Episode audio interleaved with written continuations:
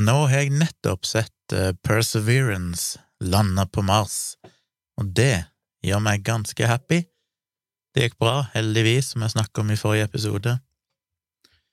Vi er på Mars igjen, med et fartøy som veier over et tonn, og er mer avansert enn noe annet fartøy vi har sendt opp tidligere. Med de reneste tingene vi har sendt opp. Den eh, har jo noen sånne som jeg nevnte sist, den har noen sånne beholdere som skal oppbevare prøver av eh, grunn... Eh, hva heter det?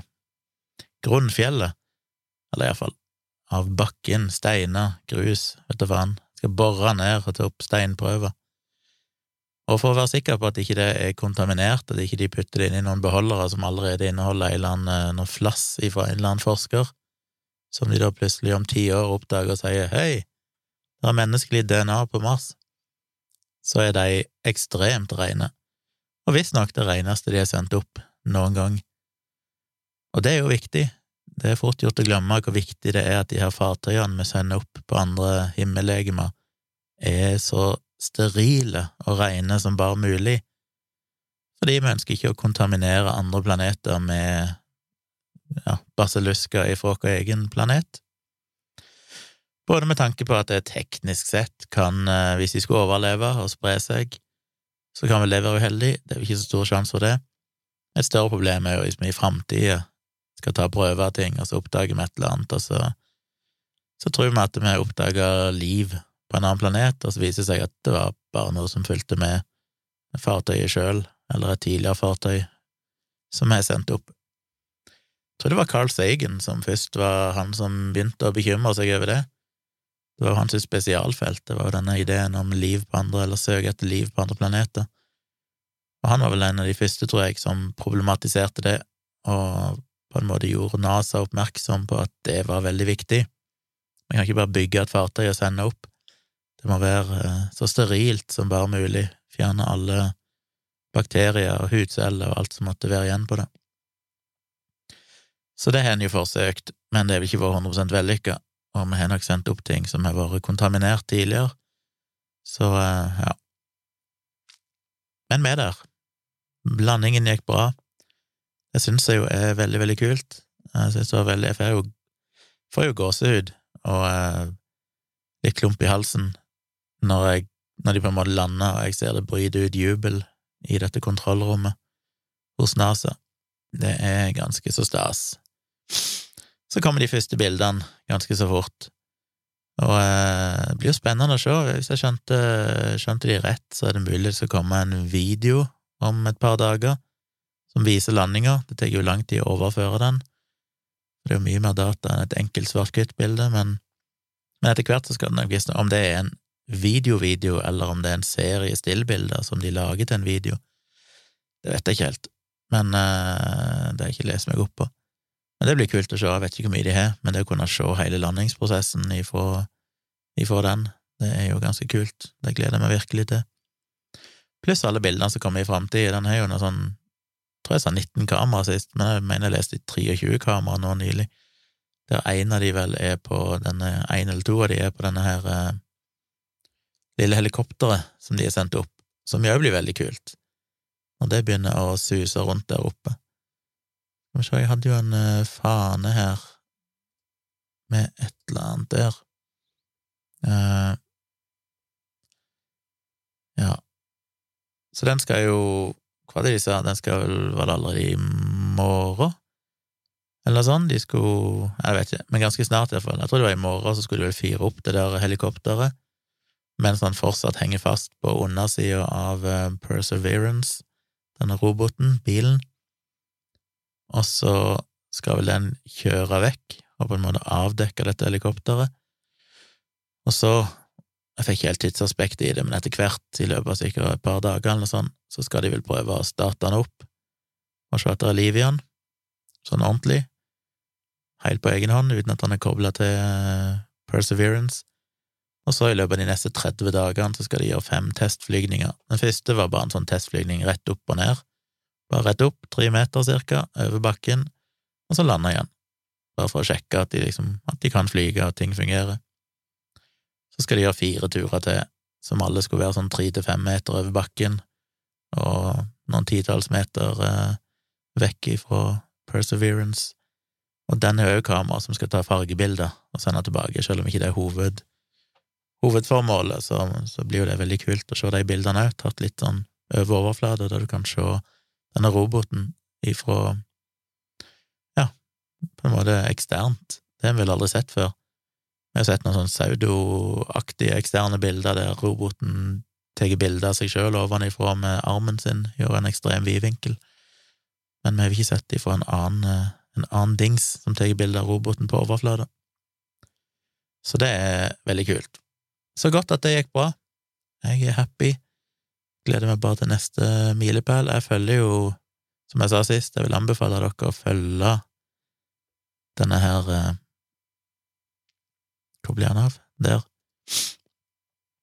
Hva er det som er handelen til han på Twitter? Den heter NASA Persevere i ett ord, persevere.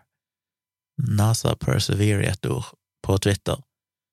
Eh, eller du kan søke etter NASAs Perseverance, Perseverance, Mars Rover. Herregud, jeg har hørt de sagt det ordet så mange ganger i kveld, altså allerede har jeg glemt om det heter Perseverance. Perseverance, ja.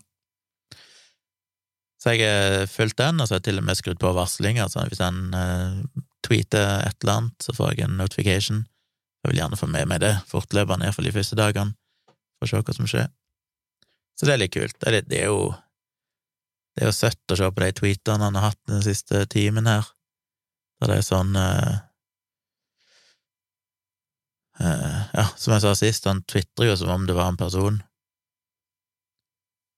To timer siden. No team could have prepared me better for what's to come. Whatever Mars throws at me, I'm ready as I'll ever be. Og så litt videre sånn This is it, I'm entering the top of the Mars atmosphere, no looking back, seven minutes to touchdown.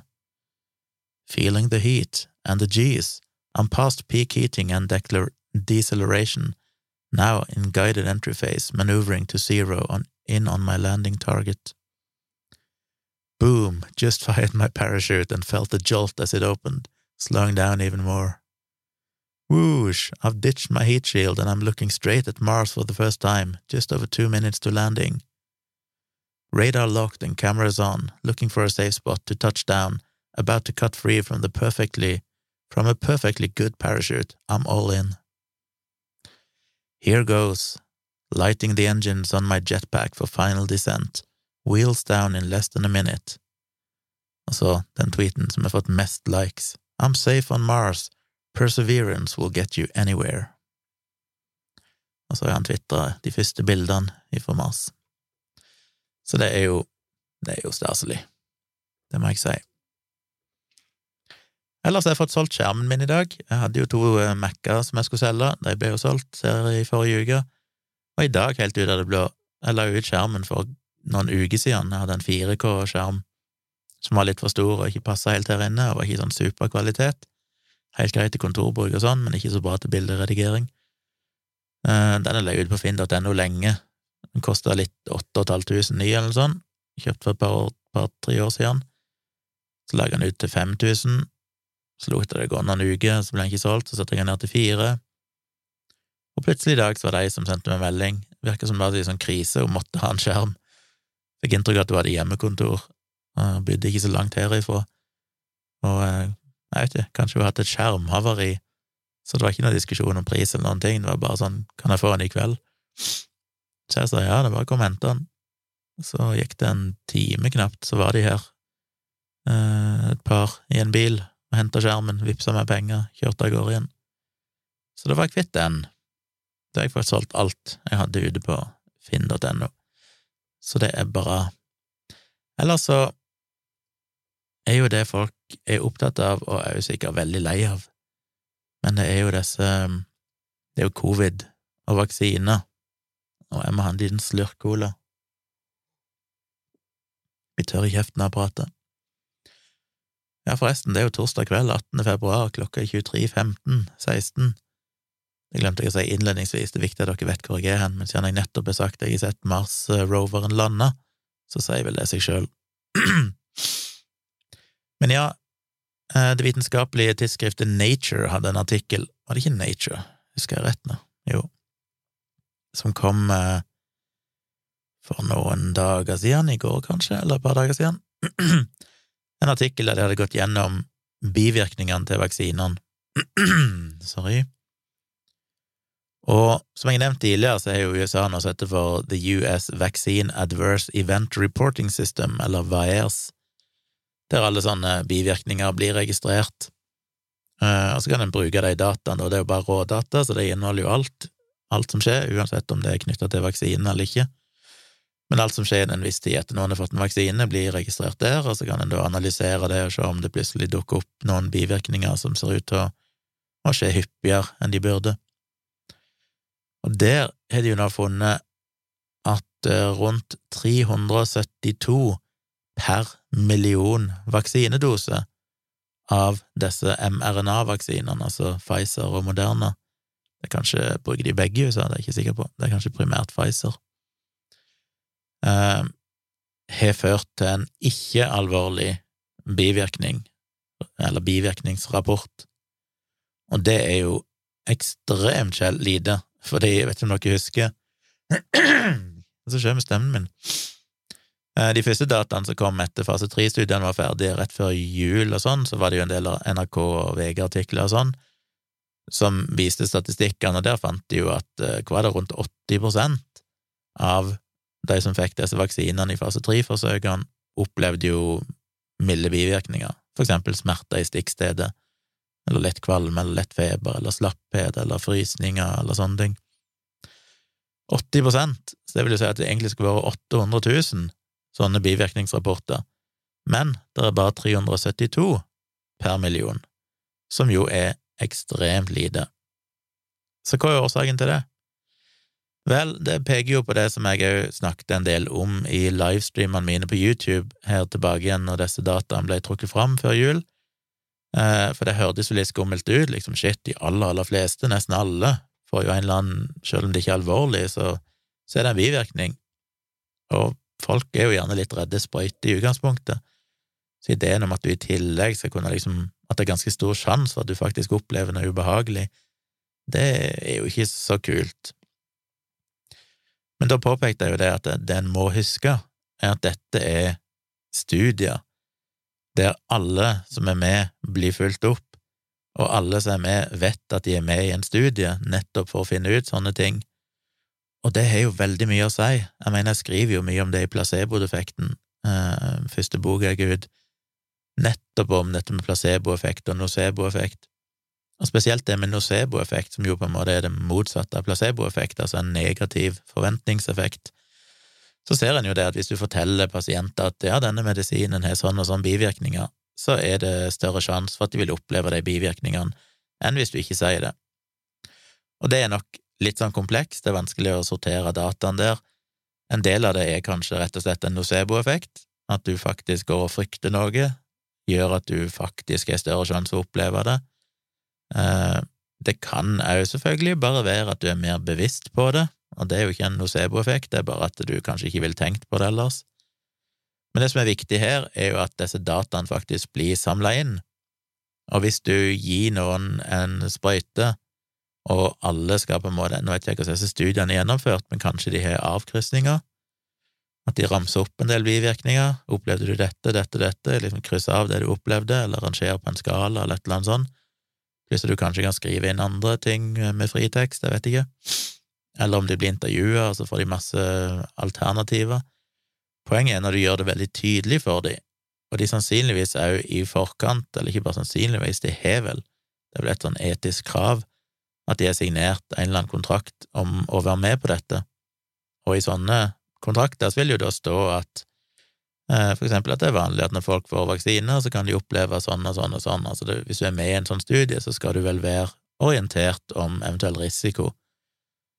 Og det er klart, da gjør du jo nettopp det som disse nocebo-studiene viser, du forteller de at det er en viss sjanse for at du kommer til å oppleve kvalme, eller smerte i stikkstedet, eller utslett, eller eh, svimmelhet, eller whatever. Og da primer du de på en måte til å være veldig bevisst på det, så da kan du enten trigge noceboeffekt, altså at det er en effekt de får fordi de går rundt og tenker på det og frykter det, og som på en måte skaper kroppen eh, det ubehaget sjøl. Eh, og hvis dere syns det høres rart ut, så skriver jeg jo mye om det i boken min. Kroppen kan gå veldig langt i å skape problemer for seg sjøl. Det er liksom de verste effektene som er registrert, det er jo folk som blir blinde, folk som blir lamme av rein sånn frykt og nocebo-effekt, så, så, det kan være ganske dramatisk. Eh, men det andre er jo det at folk går rundt og kjenner veldig mye på kroppen sin, sannsynligvis. De får litt vondt i hodet, kanskje, og så blir det veldig viktig for dem, mens på en vanlig dag, uten at de var med i et forsøk, uten at det var en vaksine, så hadde de kanskje ikke tenkt noe mer på det. De hadde bare fortsatt dagen sin, og så hadde de glemt det når de gikk eh, over. Men når du får beskjed om at dette her må du være obs på, dette kan skje, du er med i et forsøk, og noen aktivt spør deg, så blir jo dette registrert. Og det er viktig å huske på at når de sier at 80 eh, opplevde forskjellige typer bivirkninger, i dette tilfellet var det kanskje spesifikt uh, injection site pain, altså smerter i stikkstedet, så er det viktig å huske på at det ikke må være knytta til vaksinen. Akkurat når det gjelder smerter i stikkstedet, så er det jo mest sannsynlig det. Men for eksempel en hodepine eller kvalme eller urolig mage eller whatever, det er jo ting som du kan oppleve på en hvilken som helst dag, og hvis du opplever det innen ei viss etter en vaksine, så knytter du det gjerne til en vaksine, og da blir det jo ført opp i disse studiene som en, en mulig bivirkning fra vaksinene. Det betyr jo ikke at det var vaksinen som førte til det. Eh, så alt dette her gjør jo at de dataene du får fra fase tre-studiene, blir veldig, veldig oppblåst. Så vi sammenligner det jo gjerne med ja, med vanlige vaksiner, og så ser vi plutselig disse nye covid-vaksinene har så mye høyere tall. Men det er jo fordi at der har vi ikke noe sånn real world data på det tidspunktet. Det eneste dataen vi hadde, var jo for disse forsøkene, der det som sagt ble veldig nøye registrert, og folk ble gjort oppmerksom på det og alt dette her. Så jeg visste jo allerede det før jul at de dataene her er nok ganske oppblåst. Det er nok neppe det vi kommer til å se i virkeligheten. Men at det skulle være så mye forskjell, fra 80% til ned til det som er under én promille, altså mindre enn ja, det er en tredjedels promille, altså 372, eller en fjerdedels, per million, er jo, for å si det mildt, ganske dramatisk. Men det er jo én faktor til som er den viktigste her når det gjelder hvorfor det er så stor forskjell, og det er jo at de i disse fase tre-studiene så blir jo hver eneste pasient fulgt opp, og de registrerer alle bivirkninger eller alle ting de opplever, negative ting de opplever, som kanskje kan være en bivirkning ifra vaksinen. Som er det samme som i disse værstatene. Forskjellen er at i disse værstatene så er det jo basert på at leger og sykepleiere og sånn Altså, det er helsevesenet sjøl som rapporterer det inn i denne databasen. Og hvis du vaksinerer ti millioner amerikanere, så oppsøker ikke ti millioner amerikanere helsevesenet etterpå fordi de har litt vondt i hodet eller kjenner smerter i stikkstedet eller sånne ting. Eh, dette er jo 372 per millioner som faktisk da på en eller annen måte har vært i kontakt med helsevesenet og rapportert om dette. Så derfor blir jo de tallene veldig, veldig små. Men det betyr jo òg at de åpenbart er så sjeldne at det var jo ikke flere enn det som følte noe behov for å gå inn til å oppsøke legen eh, etterpå. Og eh, det er klart det er nok en viss underrapportering. Det er neppe alle bivirkninger eh, som en lege eller noen i helsevesenet blir oppmerksomme på, som blir registrert i dette veiersystemet. Så det er nok en underrapportering, men uansett så er det jo, om det så var en, bare 1 av de som blir registrert, så er det jo fortsatt ekstremt mye lavere enn det som dukker opp i fase tre-studiene. Så i realiteten så betyr jo bare det at disse ufarlige bivirkningene er veldig lite å bry seg om. Eh, nå er det vel data som tyder på at denne AstraZeneca-vaksinen, som jo ikke er en mRNA-vaksine, men som baserer seg på hele virus, modifisert, genmodifiserte virus, de ser ut til kanskje enda litt mer bivirkninger, selv om de gir en litt dårligere effekt. Det er iallfall en del der som er slitt med at de blir liggende en dag med feber, litt sånn slappe og sånn, og må ta fri for jobb en dag. Så Men det er helt ufarlig. Men denne artikkelen så litt på det, og det var litt interessant, uh, bare se litt mer hva som sto der. De uh, de sammenligner den graf her som viser sammenligning mellom dose 1 og dose 2, og for de fleste, ja, faktisk alle bivirkningene, så er det mer bivirkninger etter andre dose, som nok er naturlig, fordi de fleste bivirkningene her er jo en eh, konsekvens av at immunforsvaret ditt faktisk gjør det det skal. Det skal reagere på vaksinen. Eh, immunforsvaret ruster seg opp, og det gir jo en viss sånn sykdomsfølelse som er akkurat det samme som når du faktisk blir smitta av et forkjølelsesvirus, for eksempel, så er det jo ikke viruset som gjør deg sjuk, på en måte, eller gir deg de symptomene, det er jo ditt eget immunforsvar som gjør at du føler deg dårlig, og derfor føler en litt av det samme når du får en sånn falsk smitte, holdt jeg på å si, fra en vaksine. Så det en ser her, at uh, ifra de fase tre-dataene så var det ja, 75% som fikk eh, smerter på stikkstedet ved andre dose, og 68% på første dose. Så ganske mange, eh, litt flere på andre dose. 29% opplevde fatigue, eller sånn slapphet, etter første dose, mens 50% opplevde dette andre dose. 26 opplevde hodepine etter første dose, 42% etter andre dose. 17% muskelsmerter, 42% etter andre dose. Ganske mye en dobling der. 7% opplevde feber etter første dose, mens en fjerdedel, altså 25% opplevde dette andre dose. Og så er det litt det samme lave tall for muskel, nei, for leddsmerter, frysninger, kvalme og swelling, altså eh, hevelse. Det må være på stikkstedet, da, at de fikk en liten hevelse på stikkstedet. Så ja. Men når du ser på denne AstraZeneca-vaksinen, eller Oxford-vaksinen, som den også kalles, så ser de at rundt 4000 per million doser har ført til bivirkninger.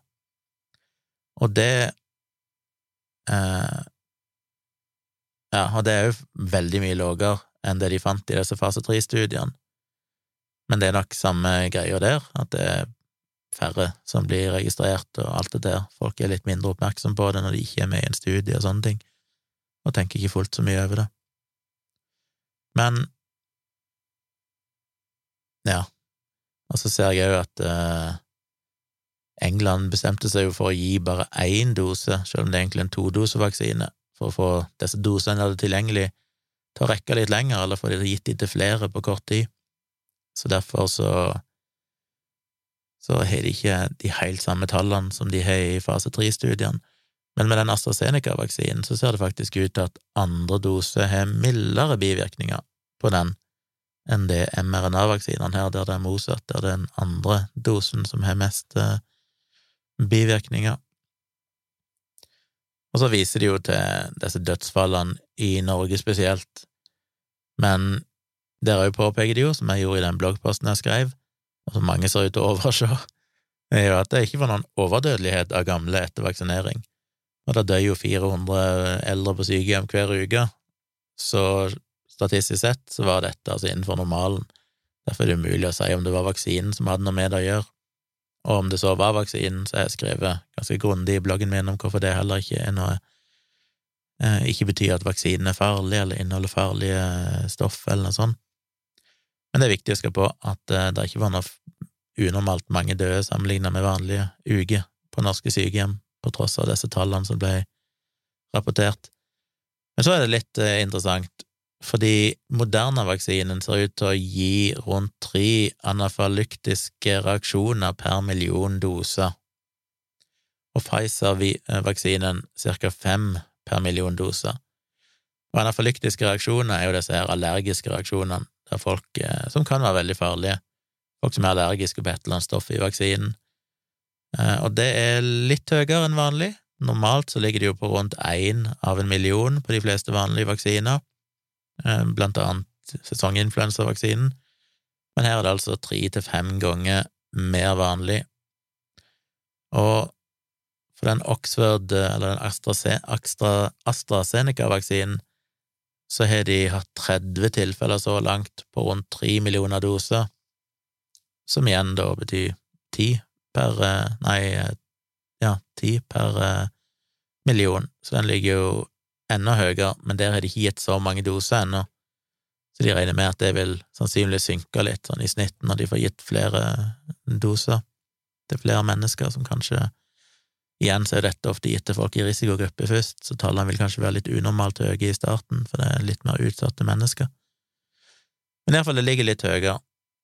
Men det er veldig viktig å huske på at de her eh, anafylyktiske sjokkene, selv om de kan være farlige, kan være dødelige til og med, så er det jo en grunn til at du skal sitte og vente i en sånn 20 minutter til en halvtime etter du har fått vaksinen, fordi de skjer alltid i løpet av noen få minutter. Eh, det er ikke sånn at du reagerer mange timer seinere. Og hvis du er der, så får du da mm, adrenalin eller et eller annet eh, som gjør at du ja, friskner til igjen temmelig fort. Det er noen få som havner på sykehus, men alle er blitt eh, friske igjen, det er ingen som er døyd av dette. Og som han eh, Paul Offit sa, han vaksineeksperten som ofte blir brukt som eh, kilde i sånne saker, han sier jo at det er jo selvfølgelig kjipt at det er sånn, men I wish that SARS-CoV-2 could be immediately treated with a shot of, shot of epinephrine, epinephrine, som vel er adrenalin, ikke det, ICS. Og det er jo det som er viktig å huske på, at ja, det høres jo skummelt ut at folk får allergisk reaksjon og må få en dose adrenalin for å bli friske igjen, men eh, tenk om det kunne ha kurert covid-19 på samme enkle måten, så hadde vel folk valgt det. Så det er sånn sett relativt sett en ganske ubetydelig bivirkning som rammer noen veldig, veldig få. Og igjen så må man huske på at én av en million eller fem av en million er jo ufattelig mye færre enn de som blir alvorlig syke av å faktisk bli smitta av korona. Det er jo bare å se på Norge. Hvor mange er de regner med blir smitta? Kanskje noen hundre tusen? Og så er det en ganske stor prosentandel av de som har vært innom sykehus og til og med havna på intensivavdelinger. Ganske mye mer enn én en av en million eller fem av en million. Og da er det snakk om langvarig sykehusopphold med komplikasjoner. Men en annen ting som er interessant, som jeg ikke har sett tidligere, er at mm, de fleste av de som opplevde en sånn anafylyktisk sjokk eller reaksjon, de hadde en kjent historikk med allergier mot et eller annet. Rundt 80% av de som fikk en reaksjon på Pfizer-BioNTech-vaksinen, og 86% av de som hadde fått den moderne vaksinen, hadde en eksisterende historikk med allergier så de var jo da helt åpenbart eh, spesielt utsatt, så det vil òg bety at hvis ikke du har noen historie med allergiske reaksjoner på ting, og ikke minst eh, iallfall legemidler, men heller ikke mat og sånne ting, så er det jo veldig liten sånn sjanse for at du skal reagere på vaksinen. De aller, aller fleste som reagerer med en sånn allergisk sjokk på vaksinen, er folk som faktisk har en historikk med å reagere sånn på andre ting.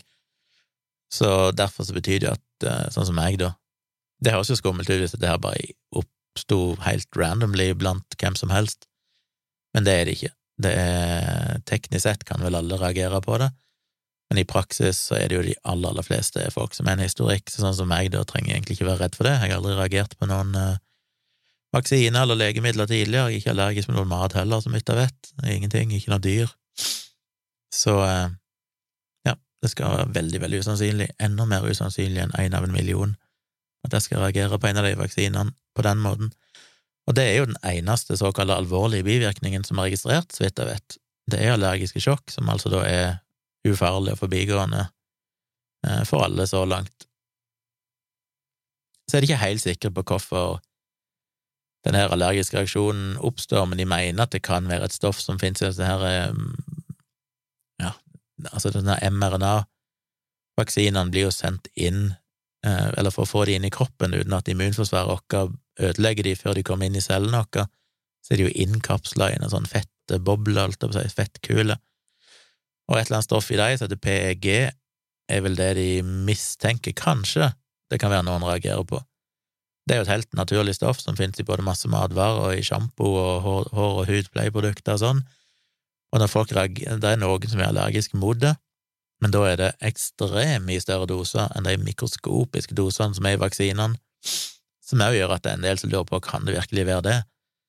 Det ville være rart når du må opp i så ekstremt mye større doser for at folk skal reagere på det ellers, folk som er allergiske mot å ha det i sjampo eller sånne ting. Hvordan skal de, skal de virkelig reagere på liksom en sånn mikroskopisk fragment av det stoffet i vaksiner? Men det kan være, det er vel det de iallfall ser på nå, men de driver og gjennomfører analyser og studier nå for å prøve å finne ut hva det er som gjør at disse allergiske reaksjonene er litt vanligere med disse covid-vaksinene. enn vaksiner generelt sett. Så får en jo håpe de finner ut av det. Det er ikke noe stor betydning sånn sett, det er jo veldig få det rammer, og det er stort sett ikke farlig, men uh, selvfølgelig så ønsker en å gjøre vaksinene så trygge og uproblematiske som mulig, og hvis en kan identifisere et stoff, og kanskje erstatte det med et annet stoff som gjør samme jobben, men som færre reagerer på, så er jo det definitivt en god ting. Og det er viktig å huske på. Jeg tror folk som er redde for disse vaksinene, og iallfall folk som er liksom aktive vaksinemotstandere, de vet jo De tenker jo ikke over hvor mye, hvor hardt disse menneskene jobber over hele verden, nettopp for å prøve å identifisere bivirkninger, nettopp for å prøve å finne ut hva som forårsaker dette, kan vi gjøre det bedre, kan vi gjøre det tryggere? Dette er jo ikke sånn de prøver å feie under teppet og late som ingenting. Her jobber en jo aktivt med å prøve å virkelig lage så gode, sikre, trygge vaksiner, så effektive vaksiner som bare er mulig. Og det holder en på med hele tida, og vaksinene vil bli bedre og bedre. Og nå har vi jo vaksinert uh, gudene vet hvor mange titalls millioner rundt om i hele verden, og hadde det vært en eller annen sjelden alvorlig bivirkning, så hadde vi nok eh, hørt om det nå, tror jeg. Det har vi ikke så da tror jeg nok vi kan føle oss temmelig så trygge på at disse vaksinene er veldig, veldig sikre. Og jeg gleder meg til jeg kan få mine vaksiner. Opprinnelig så jeg på FHI sin plan at uh, folk som meg, som er over 45, kunne få den uh, i slutten av juni. Så så jeg en ny plan nå. Da så det ut som de skulle begynne å vaksinere folk over 45 allerede i mai. Eh, så det er kanskje fordi de har fått inn flere vaksiner nå. Jeg vet ikke om det kommer til å komme enda tidligere. Jeg eh, fikk jo en innkalling, eller ikke innkalling, men jeg fikk et skjema fra fastlegen min der det sto at jeg hadde fått ansvaret for å, å registrere interesse for vaksinene i, i, en eller annen bydel i Oslo. Og da fylte jeg ut et skjema, da du fyller ut navn og alder og litt sånne ting, og så må du også krysse av for eventuelle sånn underliggende tilstander eller sykdommer du hadde. Og som jeg nevnte før, så har jo jeg noe som heter for eh, kronisk obstruktiv bronkitt, som er noe som ikke plager meg i hverdagen. Merker aldri noe til det, merker det kun hvis jeg får en infeksjon, en luftveisinfeksjon. Og det plaga meg veldig mye før i tida. Da fikk jeg som regel alltid influensa hver sesong, og ble veldig, veldig dårlig. Eh, først var veldig, veldig sjuk, men i tillegg helt astmatisk i ukevis etterpå og det hemma meg for å fungere i hverdagen, så derfor begynte jeg jo å vaksinere meg. Jeg har vaksinert meg nå i en 15 eh, år eller noe sånt, eller mer, og jeg har ikke hatt influensa etter det, og dermed heller egentlig ikke kjent noe på denne her kroniske obstruktive bronkitten. Jeg har vært veldig lite sjuk de siste årene, generelt sett, mye mindre sjuk enn jeg var før i tida. Eh, sikkert fordi jeg er så usosial nå at jeg aldri treffer folk, men, men eh, jeg, vil, så, jeg kan knapt huske sist jeg hadde, en, hadde vondt i halsen, liksom. Det er jo evigheter siden. Og før i tid føler jeg òg alltid fikk omgangssjuke, iallfall én gang i året. Mens det har jeg heller ikke hatt nå. Jeg har hatt det én gang, tror jeg, én eller to ganger etter jeg kom til Oslo, men det var liksom de par første årene i Oslo. Og så de siste sju–åtte årene så har jeg aldri hatt det. Men anyway, jeg tror ikke jeg kan huske jeg var forkjøla, men hvis jeg blir forkjøla, så kjenner jeg litt på det, blir ganske sånn tett i lungene. Jeg lager lyd når jeg puster, høres ut som jeg har skikkelig astma. Så det er noe jeg har, men jeg har liksom aldri hørt noe om det, det var bare en lege sa det til meg en gang, og så var det litt sånn, ok, uh, hvordan skal jeg forholde meg til det? Det er bare en diagnose jeg har, det føles jo ikke som jeg egentlig har den diagnosen, fordi jeg kjenner jo aldri på det, men hadde jeg fått influensa igjen, så hadde jeg nok merka det. Og det gjør jo òg at eh, hvis jeg hadde fått eh, covid-19, så hadde det kanskje ikke vært så hyggelig. Så jeg var veldig usikker på skulle jeg krysse av for at jeg har en kronisk lungesykdom, som var et av valgene, men jeg valgte å krysse av for det. Og hvis det er noe de tar seriøst, så eh, skal jeg jo egentlig kunne få vaksine ganske snart, for det er 45-åringer med en underliggende sykdom som kvalifiserer til å være alvorlig eller at du er i risikogruppe. Skal jo begynne å få det allerede i mars, tror jeg, så jeg er litt spent, jeg, om jeg får liksom innkalling nå snart, fordi de mener at jeg er i en risikogruppe, eller om jeg eh, ikke er det, og da venter. Men jeg hadde jo en livestream her denne kvelden, og da var det en eller annen lege, tror jeg, som var i, i livechatten. Han mente jo definitivt det, at hvis jeg hadde kronisk obstruktiv bronkitt, så var jeg i risikogruppe, så Så det blir spennende å se. Jeg er veldig klar for vaksine. Mine foreldre Min far er jo som nevnt 81 øyeblikk, og min mor er litt over 60, nei, 70. Sa jeg 60 sist gang? Ikke så stor aldersforskjell på de. Hun er 73, vel? Hun er åtte år yngre enn han. Eller blir 73. Så de er jo begge oppe i alderen, og de, iallfall pappa, tror jeg skal få vaksine neste uke eller noe sånt, muligens. Så ja, det går framover. Det begynner å nærme seg, og som jeg nevnte tidligere, jeg er veldig klar for å kunne besøke det igjen.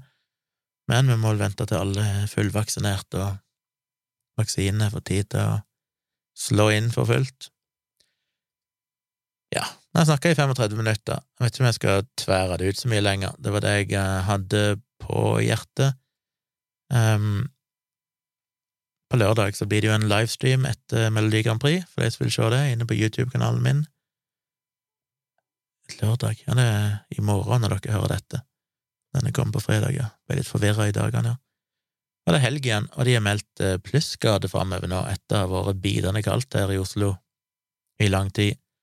Så skal det ifra i morgen plutselig bikke over null og begynne å bli sånn plussgrade hele døgnet, ikke bare på dagtid, men om natta òg. Så det har jo kommet mye snø her de siste dagene, men det håper jeg jo da forsvinner. Og så kan jeg begynne å kjenne litt følelsen av at eh, kanskje det er vår på gang. Men vi er jo bare i slutten av februar, så en blir jo alltid snytt på det der der. Det er sånn lurevår. Begynner å føle på at åh, nå kan jeg snart sette meg på balkongen og kose meg. Men nei da, så kommer det sikkert mer snø og en ny kuldeperiode og full vinter igjen, og så er det bare helsiken. Jeg får nyte de dagene med plussgrader som er, og bare tenke at eh, våren er på vei, vaksiner er på vei, verden er på vei til å bli normal igjen etter hvert, satser vi på. Så takk for at du hørte på. Jeg er tilbake igjen over helge på tirsdag med en uh, ny episode. Uh, ja, jeg skal ikke mase på dere om noe mer. Dere skal få lov å chille og nyte helge. Det eneste jeg vil mase på dere, er at send meg gjerne spørsmål og tips og tilbakemeldinger på mailen min, tompratpodkast at gmail.com, og så håper jeg vi høres igjen, eller jeg får preke til dere, preke, jeg sier ikke det, snakke til dere over helge, hvis verden fortsatt står til da. Så takk for at du hørte på, I'll be back.